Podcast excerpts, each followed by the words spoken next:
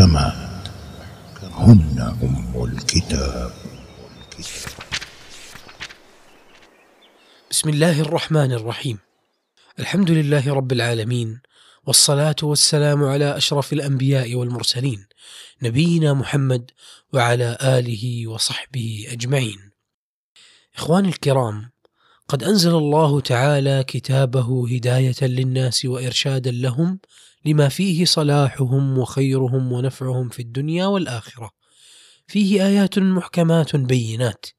من تشبث بها كان له من الهداية والصلاح بقدر تمسكه بها ومن ضل عنها وفرط فيها أصابه من الشقاء والضلال بقدر ابتعاده عنها. قال سبحانه فإما يأتينكم مني هدى فمن اتبع هداي فلا يضل ولا يشقى. ومن أعرض عن ذكري فإن له معيشة ضنكا ونحشره يوم القيامة أعمى. وحينما يتلو المؤمن آيات ربه سبحانه وتعالى بتدبر وتفهم يرى فيها الوصايا المتوالية التي تحدو به ليسير في الطريق الموصلة إلى رضوان ربه وجنته. ويجد فيها الهدى الذي يعصمه من تخبطات شياطين الإنس والجن. قال سبحانه هو الذي أنزل عليك الكتاب منه آيات محكمات هن أم الكتاب. قال محمد بن إسحاق بن يسار عنها فيهن حجة الرب وعصمة العباد ودفع الخصوم والباطل ليس لهن تصريف ولا تحريف عما وضعن عليه. واليوم نقف مع بعض تلك الآيات المحكمات والتي نص عليها عبد الله بن عباس رضي الله عنهما حين قال المحكمات في قوله تعالى قل تعالوا أتل ما حرم ربكم عليكم ألا تشركوا به شيئا ثم ذكر الآيتين التي بعدها.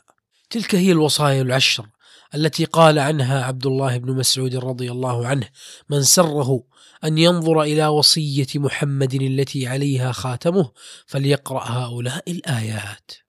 وقال كعب الأحبار أول ما نزل من التوراة عشر آيات وهي العشر التي أنزلت من آخر الأنعام.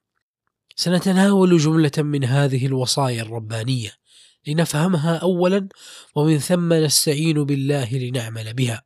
يقول جل جلاله في سورة الأنعام. قل تعالوا أتل ما حرم ربكم عليكم ألا تشركوا به شيئا وبالوالدين إحسانا. ولا تقتلوا أولادكم من إملاق نحن نرزقكم وإياهم ولا تقربوا الفواحش ما ظهر منها وما بطن ولا تقربوا الفواحش ما ظهر منها وما بطن ولا تقتلوا النفس التي حرم الله إلا بالحق ذلكم وصاكم به لعلكم تعقلون. ولا تقربوا مال اليتيم إلا بالتي هي أحسن حتى يبلغ أشده. وأوفوا الكيل والميزان بالقسط. لا نكلف نفسا إلا وسعها. وإذا قلتم فاعدلوا ولو كان ذا قربى وبعهد الله أوفوا. ذلكم وصاكم به لعلكم تذكرون. وأن هذا صراطي مستقيما فاتبعون. وأن هذا صراطي مستقيما فاتبعون. ولا تتبعوا السبل فتفرق بكم عن سبيله. ولا تتبعوا السبل فتفرق بكم عن سبيله. ذلكم وصاكم به لعلكم تتقون. أيها الإخوة المؤمنون هذه الآيات ذكر فيها أصول المحرمات في الأقوال والأفعال وأصول الفضائل وأنواع البر. عشر وصايا حري بنا أن نتأملها ونتفهمها أولى هذه الوصايا ألا تشركوا به شيئا فالشرك أكبر الكبائر وأعظم الموبقات وأسوأ السيئات وهو الذنب الذي يحبط جميع الأعمال مهما عظمت وذلكم ما حذر الله منه الأنبياء والمرسلين. وهم سادة الموحدين وأئمتهم فكيف بغيرهم؟ ولقد أوحي إليك وإلى الذين من قبلك لئن أشركت ليحبطن عملك ولتكونن من الخاسرين. ومنه الشرك الأصغر وهو ما خافه النبي صلى الله عليه وسلم على أمته من بعده عن محمود بن لبيد رضي الله عنه قال قال رسول الله صلى الله عليه وسلم إن أخوف ما أخاف عليكم الشرك الأصغر قالوا يا رسول الله وما الشرك الأصغر؟ قال الرياء. إن الله يقول يوم تجازى العباد بأعمالهم اذهبوا إلى الذين كنتم تراءون بأعمالكم في الدنيا فانظروا هل تجدون عندهم جزاء. وهو أمر خفي يتسلل إلى النفوس من حيث لا تشعر. عن عائشة رضي الله عنها قالت قال رسول الله صلى الله عليه وسلم الشرك أخفى من دبيب الذر على الصفا في الليلة الظلماء. فما أخطره من داء خفي تصاب به القلوب حين تتجه إلى غير الله سبحانه وتعالى لتنال الثناء والمدح من الناس ثم لا يكون لها عند الله جزاء ولا شكورا. لذلك يجب على المؤمن أن يجرد نيته في عمله لله تعالى ويجاهد نفسه في ذلك وهذا من أشق الأمور على النفس. قال سهل بن عبد الله ليس على النفس شيء أشق من الإخلاص لأنه ليس لها فيه نصيب. وقال يوسف بن الحسين أعز شيء في الدنيا الإخلاص وكم أجتهد في إسقاط الرياء عن قلبي وكأنه ينبت فيه على لون آخر. الوصية الثانية وبالوالدين إحسانا.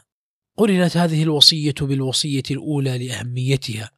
وقد تكرر هذا في ثلاثة مواضع أخرى من القرآن الكريم. وإذ أخذنا ميثاق بني إسرائيل لا تعبدون إلا الله وبالوالدين إحسانا. وقال سبحانه واعبدوا الله ولا تشركوا به شيئا وبالوالدين إحسانا. وقال سبحانه وقضى ربك ألا تعبدوا إلا إياه وبالوالدين إحسانا. فما أعظم شأن الوالدين؟ حيث كرر الله الأمر بالإحسان إليهما في مواضع متعددة من القرآن الكريم بل قرنه بأهم المهمات وأوجب الواجبات وهو توحيده سبحانه وتعالى. إن هذه القيمة الأخلاقية الجليلة في الشرع من أعظم ما يتقرب به المؤمن إلى ربه تعالى. ففي الصحيحين عن ابن مسعود رضي الله عنه قال سألت رسول الله صلى الله عليه وسلم أي العمل أحب إلى الله؟ قال الصلاة على وقتها. قلت ثم أي؟ قال بر الوالدين. قلت ثم أي؟ قال الجهاد في سبيل الله. الوالدان بابان إلى الجنة. قال أبو الدرداء رضي الله عنه سمعت النبي صلى الله عليه وسلم يقول الوالد أوسط أبواب الجنة فأضع ذلك الباب أو احفظه. عن معاوية بن جاهمة السلمي رضي الله عنه قال أتيت رسول الله صلى الله عليه وسلم فقلت يا رسول الله إني كنت أردت الجهاد معك أبتغي بذلك وجه الله والدار الآخرة.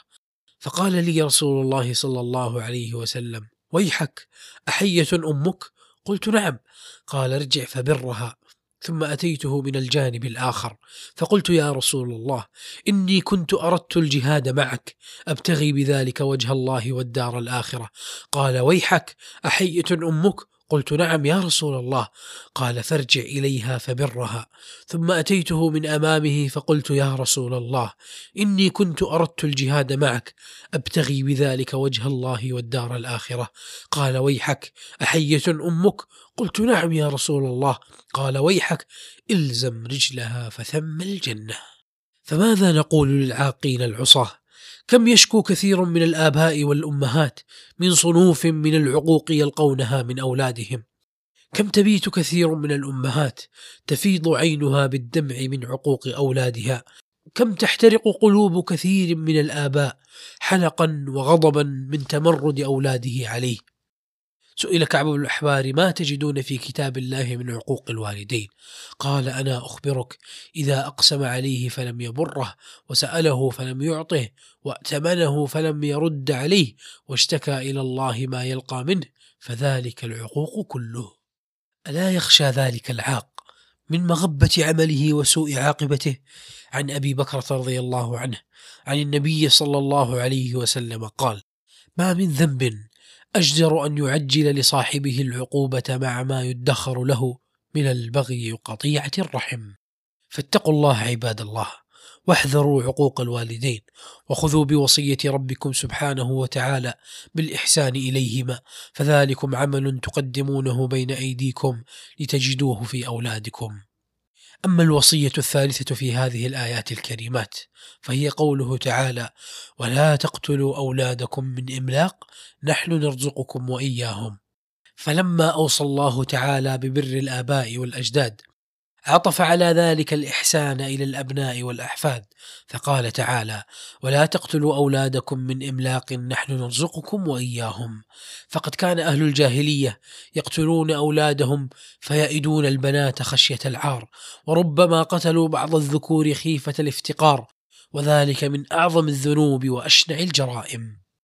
جاء في الصحيحين من حديث عبد الله بن مسعود رضي الله عنه قلت يا رسول الله أي الذنب أعظم؟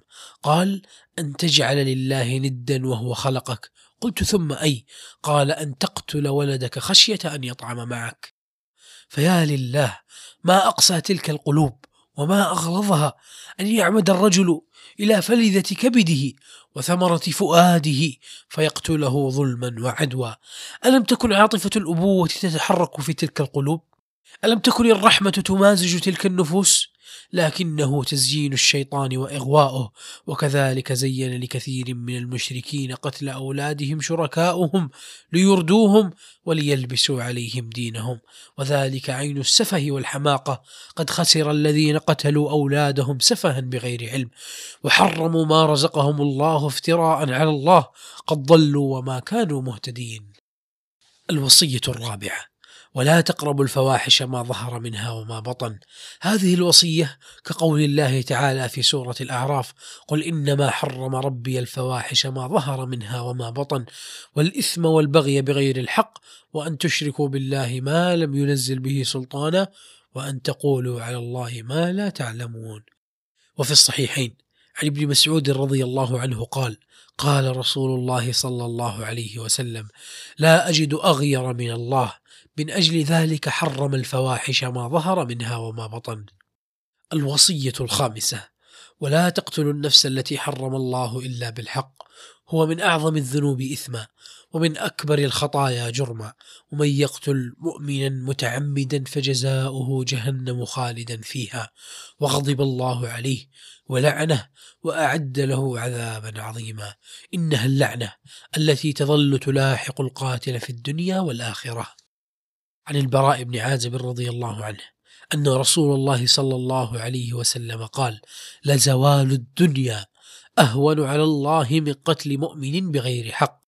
وقال عبد الله بن عمر رضي الله عنهما رأيت رسول الله صلى الله عليه وسلم يطوف بالكعبة ويقول ما أطيبك وأطيب ريحك ما أعظمك وأعظم حرمتك والذي نفس محمد بيده لحرمة المؤمن أعظم عند الله حرمة منك ماله ودمه وأن نظن به إلا خيرا.